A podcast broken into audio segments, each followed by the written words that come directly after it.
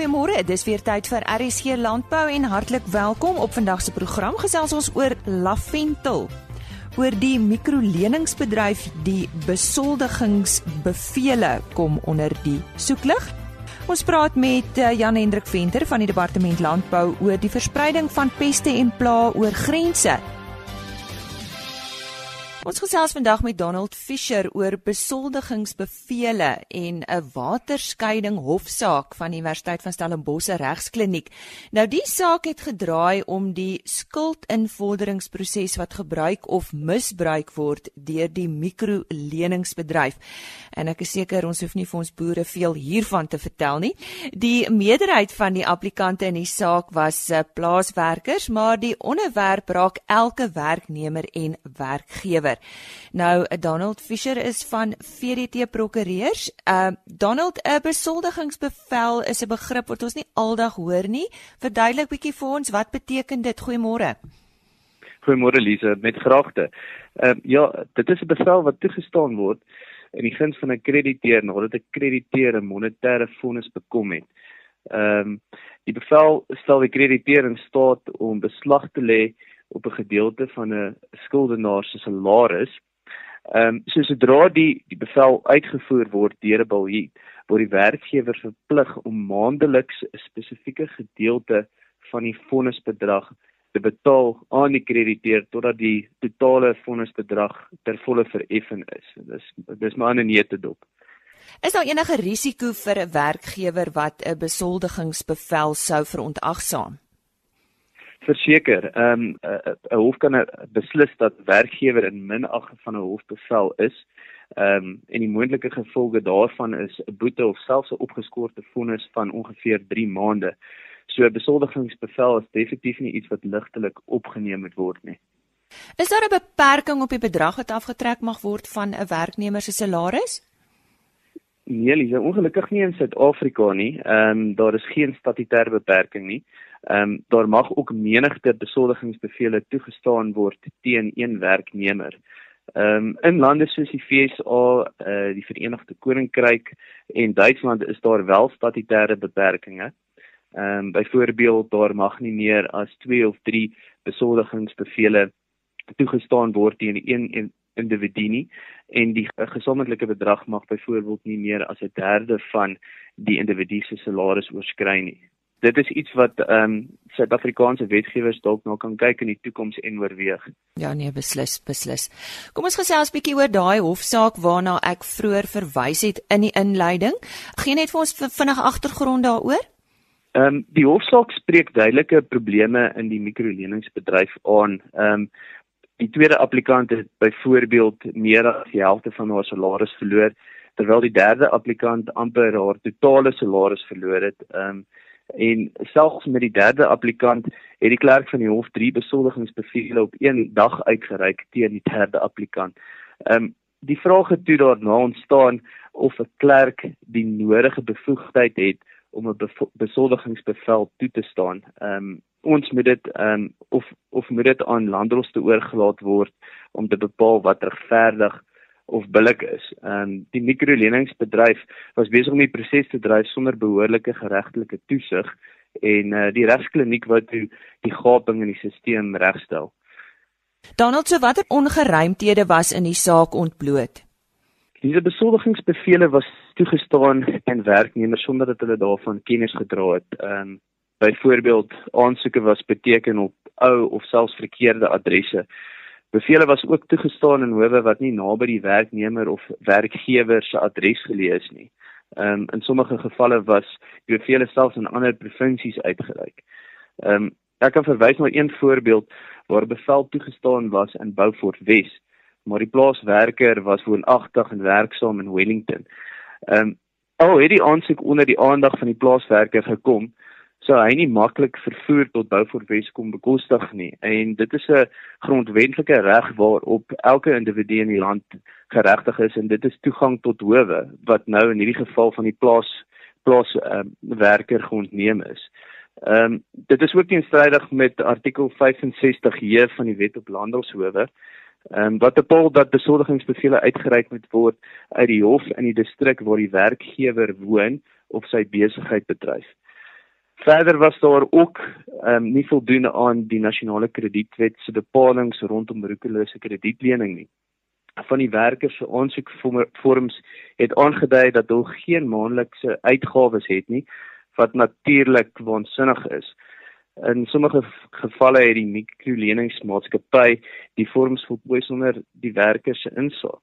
Ehm um, so ja, dit het 'n groot probleem veroorsaak. So wat het die hof bevind? So die hof het bevind dat artikel 67 van die Wet op Landdroshowe ongrondwettig is. Uh die grondwetlike hof het die meerderheid akkoord gevind met regter Desai se uitspraak in die hof akko. Regter Desai het ook bevind dat die besoldigingsbevele nietig verklaar moet word en regter Desai het sover gegaan deur te sê dat die bevele onregmatig en op 'n bedrieglike wyse bekom was. Waarvoor moet boere en plaaswerkers uitkyk wanneer hulle 'n besoldigingsbevel ontvang?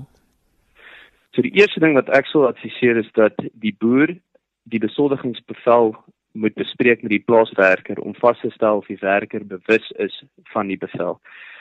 Daarna sal ek sê daar moet vasgestel word of die besoldigingsbevel uitgereik is uit die regte hof. Dis die naaste hof aan die boer se woning of plek van besigheid. Volgende stap is dan om te bepaal of die besoldigingsbevel toegestaan was deur 'n klerk of 'n landdros. Nou die bogenoemde stappe kan natuurlik bepaal of die besoldigingsbevel op 'n regmatige manier bekom was en of dit wel geldig en uitvoerbaar is. En indien die bevel ongeldig blyk te wees, wat kan 'n boer of 'n plaaswerker doen? Dis ek sou aanbeveel dat die boer en plaaswerker 'n skrywe moet rig aan die krediteer en die biljet waar die ongeldigheid van die bevel uitgewys word. Die krediteer moet ook versoek word om 'n skriftelike onderneming te gee dat hulle nie die bevel sou afdoen nie. Sodoende kan onnodige regskoste van prokureurs vermy word. My okay. volgende stuk advies sal dan wees Indien die krediteer weier, is daar gronde vir die boer of die plaaswerker om 'n besoldigingsbevel te wysig of 'n persiening te neem. Indien die stappe gevolg moet word, sal ek die boer en plaaswerker adviseer om die naaste regskliniek of hul naaste prokureur te nader. Waardevolle raad daarvan eh, Donald Fischer van VDT Prokureurs en ja, die mikroleningsbedryf is maar deel van landbou van 'n boer en 'n plaaswerker se lewe. So ons vertrou dat u daar uh, goeie raad ontvang het. Net uh, weer Donald Fischer is van VDT Prokureurs. Hulle is in Brooklyn in Pretoria geleë. Is al onthou dat ons so maand of wat gelede met Teresa Franken gesels het. Sy's van Rosemary Hill. Nou Rosemary Hill is net hier buite Pretoria en uh, ja, hulle is eh, 'n uh, plaas waar daar vele aktiwiteite aangebied word, maar uh, onder meer ook 'n uh, kundige as dit kom by kruie. Nou ons het uh, laas keer met haar gepraat oor roosmaryn en vandag praat ons oor lavendel. Teresa, as ons aan lavendel dink, dan oorheers die reuk eintlik ons denke en is omtrent alwaar ons kan dink. En en dit is dat dit so lekker ruik, maar wat is die tradisionele gebruike van hierdie krui? Môre Lise, ja, ons is baie lief vir lavendel hier op die plaas. Ehm um, die belangrikste eienskap vir my is eintlik sy medisinale uh eienskappe. Dit help jou om te ontspan, jy kan om lekker slaap en dit kan selfs verligting bring aan 'n spanningshoofpyn. Uh jy kan ook wonde daarmee ontsmet. Hy het antisepties en antibakteries. Dit kan dit help met ligte brandwonde en insekbyte. En dit kan selfs help met akne en haarverlies, as jy dit kan glo.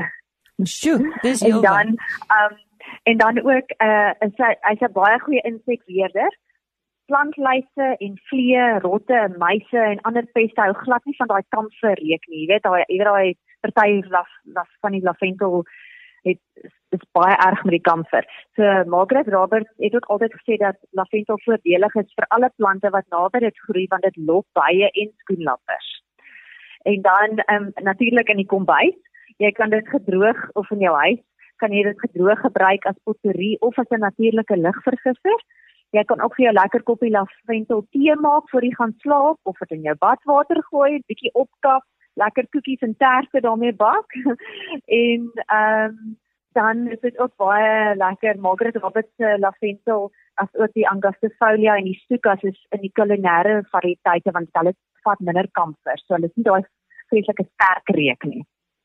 En dan laastens 'n lekker skoonmaakmiddel. Jy kan jou eie huishoudelike skoonmaker maak met 'n paar druppels van die essensiële olie, sommer net saam met asyn en water en dan kan jy sommer jou hele huis daarmee skoonmaak. So dit is baie lekker. Ja, ek het geweet daar's baie gebruike, maar ek het nie geweet daar's so baie nie. Nou ja, nou het ek ook ietsie geleer. Hoeveel spesies is daar, eh, Teresa?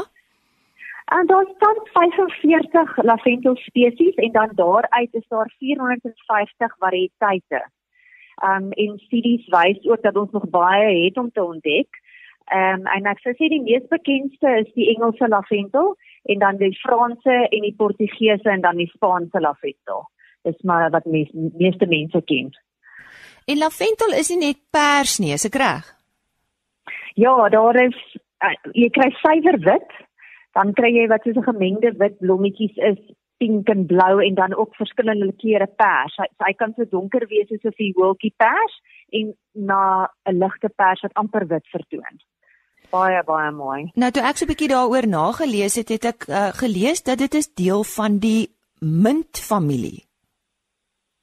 Ja, so die mintfamilie bestaan uit omtrent 7000 spesies wat um, baie van my gunsteling kosmaakrye be, be, uh, bevat, soos jou basiliek kruid, jou tini, uh natuurlik die lavendel, um oregano, jou soet marjolein, roosmaryn en salie. Al daai is deel van dieselfde mintfamilie. Dit is baie interessant. dit is interessant. Nou kom ons praat oor die aanplanting van lavendel. Nou ek het dit self ervaar, nie baie suksesvol nie. So daarom wil ek nou graag met jou daaroor gesels. Ja, die tipe grond, watter tyd van die jaar, so 'n bietjie oor die snoei, miskien kan jy net vir ons 'n bietjie raad gee. Ja, so tradisioneel het dit in Noord-Afrika voorgekom en dan in die ehm uh, in die berge van die Mediterrane berge, né?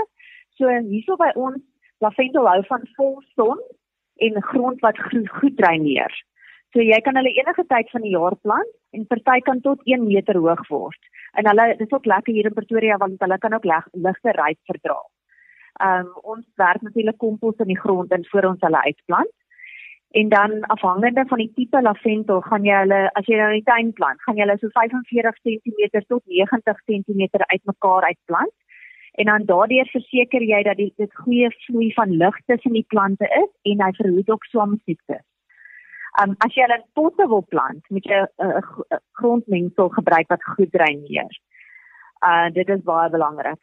Um dan moet jy hulle elke dag water gee tot hulle mooi gefestig is Uh en dan kan jy hulle een keer per week water gee in die somer as hulle in jou tuin geplant is, maar potte natuurlik elke tweede dag. En dan wat ons hier op die plaas doen in die lente werk ons dan weer kompos in die grond in. So ek ek het laas gesê roosmaryn hou nie van so baie water nie.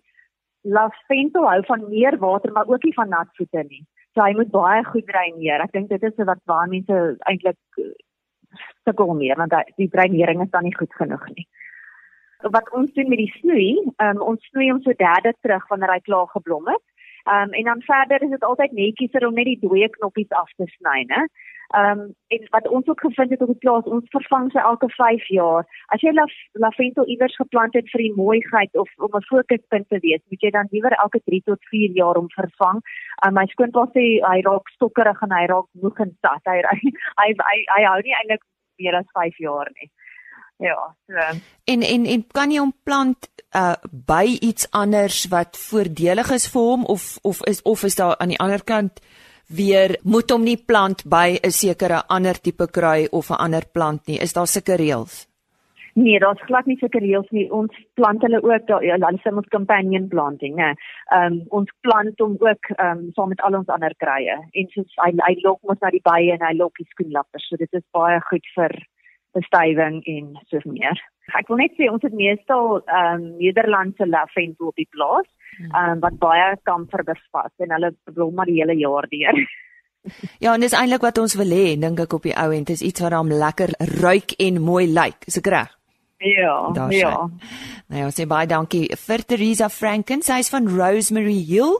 Besoek gerus hulle webtuiste. Wat is julle webtuiste? Herhaal hom net gou weer vir ons asseblief Teresa. Uh dit is www.rosemaryhill.co.za. So maklik soos dit. www.rosemaryhill.co.za. Besoek gerus hulle webtuiste vir 'n uh, kykie na wat hulle alles doen. En ek het gesels met Teresa Franken en bly ingeskakel vir RSG Landbou want volgende maand gesels ons weer met haar. En die maas vertel hy nou van 'n veiling en 'n boeredag.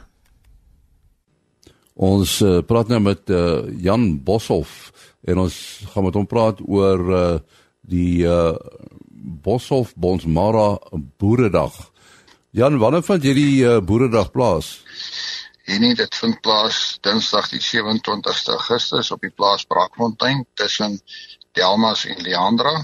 Dit is uh, 7 km van Leandra af en uh, Ons uh, het 'n unieke boeredag elke jaar voor ons veiling. Ons probeer iets anders doen as die normale. En ons wil graag vir ons boere iets bied ook. Dis nie net 'n uh, gewone veiling waarna toe ons almal probeer lok die die veilingsdag nie. So ons het spesifiek gedink om vir Dr. Fafa Malang te kry en om ons te kom gesels het nou 'n paar goed die laaste tyd gebeur soos die voëlgriep en uh, daarna het uh, die uh, back and closure gekom en nou is daar varkgriep gewees. En daar is nou selfs uh, sprake van ooskus koors wat nou hier no in die noorde van uh, Zimbabwe, Zambië se kant toe uh, is en mens weet nooit wat gebeur. So hy hy kom 'n bietjie gesels oor biosekuriteit. Nou biosekuriteit dink 'n mens in terme van 'n geslote uh gebied, maar net in terme van wat ons kan doen om onsself uh, te verseker uh ten opsigte van siektes uh wat ons kan verwag. Uh want as ons nou kyk wat in Zimbabwe op die huidige aangaan, dan is ons bekommerd dat ons ook binne in ons eie land standaarde besig is om agteruit te gaan en ook op die veterinêre gebied kan ons uh, sien ons maar dat die standaarde agteruit beweeg. So ons moet maar versigtig wees om seker te maak dat ons nie uh, in 'n slaguister trap nie. Dan het ons gedink om met uh, nie Serfontein, ons weet alles wat aangaan ten opsigte van die uh, grondkwessies wat uh, heidaglik in ons land uh, gebeur. Ehm uh, hy en uh Dan Creek probeer maar planne maak om vir ons uh nuwe idees te skep. En ja, ehm uh, ek ken hom nou uh, redelik goed en ek dink ons moet die inisiatiewe aan ons kant probeer hou. So uh ek dink daar gaan ons die geleentheid kry om met mekaar op 'n 1 tot 1 basis te gesels wat 'n mens dalk nie altyd uh, kry wat 'n mens in die media met mekaar kan gesels nie. So ek dink dit is 'n besonderse geleentheid wat ons kry om met mekaar te gesels en ek wil regtig die boere aanmoedig om die dag te kom bywoon. Ja goed en dan dan mee saam uh bied ons graag vir ons boere aan uh ons diere wat ons te koop aanbied wat ek glo van uitstaande gehalte is. Uh ons is trots om ons diere aan te bied. Ons uh uh glo ons het goeie genetika wat uh daar is wat boere kan uh gebruik en uh daarom maak ons planne om dit ook vir ons boere te kan aanbied en dan moet hulle self beoordeel en self besluit uh wat hulle wil uh, aanskaf. So uh, dit is vir ons 'n prestige geleentheid en 'n trotse geleentheid en daarom bied ons ook vir ons medeboere iets aan. Dis nie net van 'n geval van hoorie kom koop en uh, nou gaan jy aan op jou eie nie. Ons wil graag vir ons gemeenskap ook iets aanbied. Wat wat is jou aanbod? Daar is uh, 40 bulle. Ons doen dit in samewerking met Bloemendal Bosmaras elke jaar. Uh en 150 vroulike diere van verskillende uh van uh, dragtige verse tot koeie met kalvers. So uh, ja, daar's iets iets van elk. Is daar 'n kontaknommer as mense meer inligting ja, wil hê? Ja, uh, hulle kan my kontak by 082 388 0912 uh, of hulle kan BKB uh, uh, van Wyk op Standerton kontak. Ehm uh, ja, of hulle kan kyk op uh, ons webwerf Boshoff Bonsmaras of Bloemendal Bonsmaras. So uh, ek dink uh, dit is uh, tamelik maklik om uh, ons in die hande te kry. Daar sê dit was dan uh, Jan Boshoff wat gesels het oor daardie boeredag op die 27ste Augustus op die plaas Brakfontein en dan die dag daarna die Boshoff Bonsmara produksieveiling dit is op die 28ste en uh, dit was aan Jan Boshoff ons sien dit sy telefoonnommer weer 082 388 0912 baie dankie nie Saam met die toename van produkte wat oor lande se grense verhandel word en die uh, hoeveelheid mense wat na die buiteland reis of emigreer, neem die risiko vir peste en pla wat die land binnekom natuurlik ook toe. Nou hierdie peste en pla kan 'n enorme impak op die land se landbousektor hê indien dit versprei. Nou dis juist waaroor ons vandag met Jan Hendrik Venter van die Departement Landbou, Bosbou en Visserye gesels. Nou Jan Hendrik, kan peste en pla net deur middel van landbouprodukte in 'n land binnekom? Um, ehm, maar lesse nee, um, ongelukkig werk dit nie so nie. 'n Mens mens neem baie dikwels aan dat dit op 'n op 'n besending van sê maar um, graan of mielies of sweet sal gaan peste wees. Maar letterlik enige 'n voorwerp, vaartuig of objek kan 'n pes uh, in die land indra. Ek weet soos in byvoorbeeld um, ons ons toeriste toename is geweldig. Daar kom um, oor die 20 miljoen vlugte aan in Suid-Afrika. Um in 'n jaar se tyd soos ons net 'n paar van daai ouens uh, uh, iets saambring wat 'n pes kan dra dan dan is dit risiko. Ja, so dit kan tot in jou tas wees. Watter wyse het handel oor Suid-Afrika se grense oor die afgelope paar jaar toegeneem? Soos ek sê, dit neem geweldig toe. Um, as ons kyk na ons na ons um, ons see hawens dan kyk ons na 'n uh, geweldige tonne mate. Ons kyk oor die 200 miljoen ton wat wat verhandel word en maar dit is dit is nie op sigself die grootste risiko nie. Wat wel daarmee saamkom is dat dit oor die 700 000 vaartuie verteenwoordig As jy net daaraan dink dat iets kan letterlik op enige deel van die vaartuig wees en selfs ook op 'n op 'n container of binne 'n container maar nie dit wendig op 'n landbouproduk nie. En dan kyk 'n mens ook na jou houtverpakkingsmateriaal ehm um, ensovoorts. Dan ook soos ek sê die vlugte het verskriklik toegeneem en ons ons ehm um, handel deur ons land ehm um, uh, grensposte is ook baie hoog daar is geweldige toename in Afrika ons infrastruktuur is baie goed deesdae trokke kan letterlik ry vir van Kaap tot in Kaïro of of of ander kant om maar ons meeste vervoer is maar van Zambië, Malawi en en selfs van van Kenia af baie keer en Tanzanië tot in Suid-Afrika. So ek neem aan dan die verspreiding van peste en pla dan ook toegeneem as gevolg hiervan. Um, ja, daar is daar is ook maar weer eens 'n aanname, um, maar ons ons kry dat ons deesdae meer peste kry um, per jaar wat in die, die land in binnekom.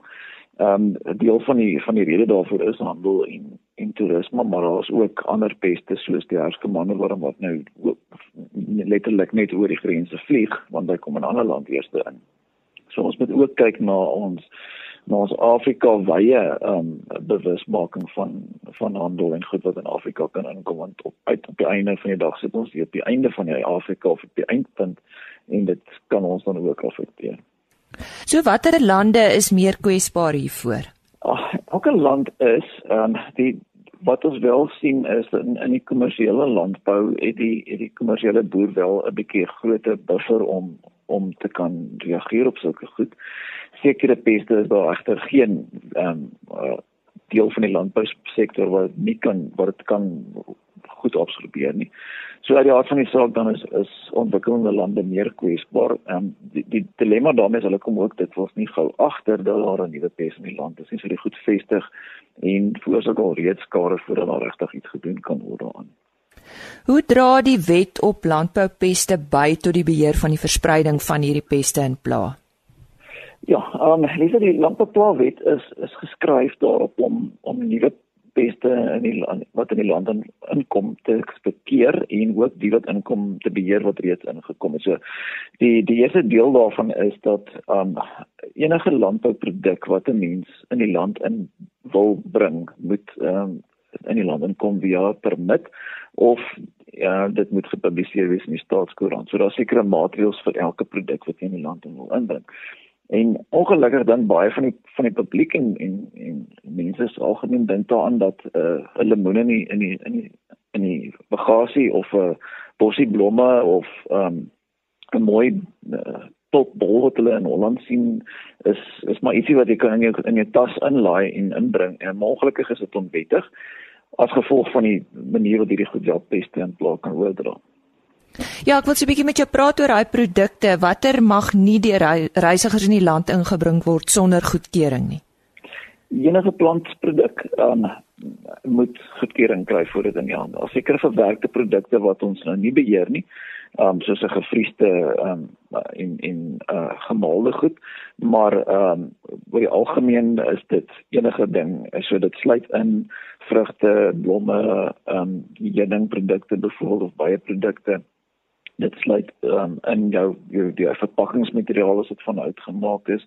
Ornamentele goed soos houtornamentele goedjies um, en dan kan dit ook goed soos soos jou uh jy weet enige plantmateriaal soos 'n stok soos 'n steggie of 'n of 'n bonsai plantjie of bolle en al enige ding basies Nou hoe word dit beheer by grootskaalse in en uitvoere? Want um, ek probeer nou maar net dink op die lughawe hulle het nou daai honde wat goed uitryk maar hoe weet hulle as jy nou met 'n ornamentjie in jou tas deurkom? Kan jy vir ons 'n ja. bietjie meer inligting gee daar? Die op die lughawe sekere vlugte uh, word wel um, na gekyk. Ehm um, die rede hoekom daar is genoeg honde en mense vir almal nie die honde werk baie hard maar hulle kan net so 4 ure op 'n op 'n skool werk. So dan so dit voorsorg dat die mense nou altyd tekort aan honde en mense. So dan so mense prioritiseer. Ehm um, en kyk wat mag dalk die grootste risiko vlugte wees ensovoorts. Die honde ryk uitstekend. Um, hulle gebruik beagle tipe honde. So die hondjie gaan nie 'n groot lawaai maak nie. Hulle is so opgelei, gaan net eenvoudig langs jou tas sit, selfs die wanneer hy by op die op die karousel verbykom, gaan daai hondjie hom uitreik en sodra hy hom afval, gaan hy net so ewe liefdevol langs jou sit. Um en dit gaan veroorsaak dan dat dat die inspekteur wat naby staan jou dan wel gaan vra vir 'n inspeksie van jou van die tas. So hulle kan plantprodukte uitreik redelik op 'n goeie afstand. Ons honde kan net dit doen, maar daar is al honde wat um, internasionaal opgelei word om selfs die um, sekere peste en siektes uit te reik in in gewasse. En by hawens en sulke plekke? Hawens is dit fisiese um, inspeksies, dis gewoonlik jou jou groot groot skaalse um, bulk cargo en daarso gaan die inspekteurs um, letterlik ingaan en 'n inspeksie doen voor dit besending vrygelaat kan word. So sê maar daar kom 'n besending vrugte van 'n van 'n Europese land af in Suid-Afrika, dan moet die inspekteurs 'n monster trek en deurgaan en selfs na daai monster getrek is, dan stuur hulle nog nog 'n monster deur vir verifikasie ook. Dan na laboratorium byvoorbeeld net om seker te maak hulle het niks gemis nie. Nou ja, interessante gesprek wat ek gehad het daar met Jan Hendrik Venter van die Departement Landbou, Bosbou en Visserye oor peste en pla wat natuurlik ons land binnekom oor grense en eh, die reëls en regulasies in die verband. So wees maar versigtig en gewaarsku. Onthou môreoggend weer by ons aan te sluit vir nog 'n aflewering van RSG Landbou. Totsiens. RSG Landbou is 'n produksie van Plaas Media. Produksieregisseur Henny Maas. Aanbieding Lisa Roberts. En inhoudskoördineerder Jolandi Root.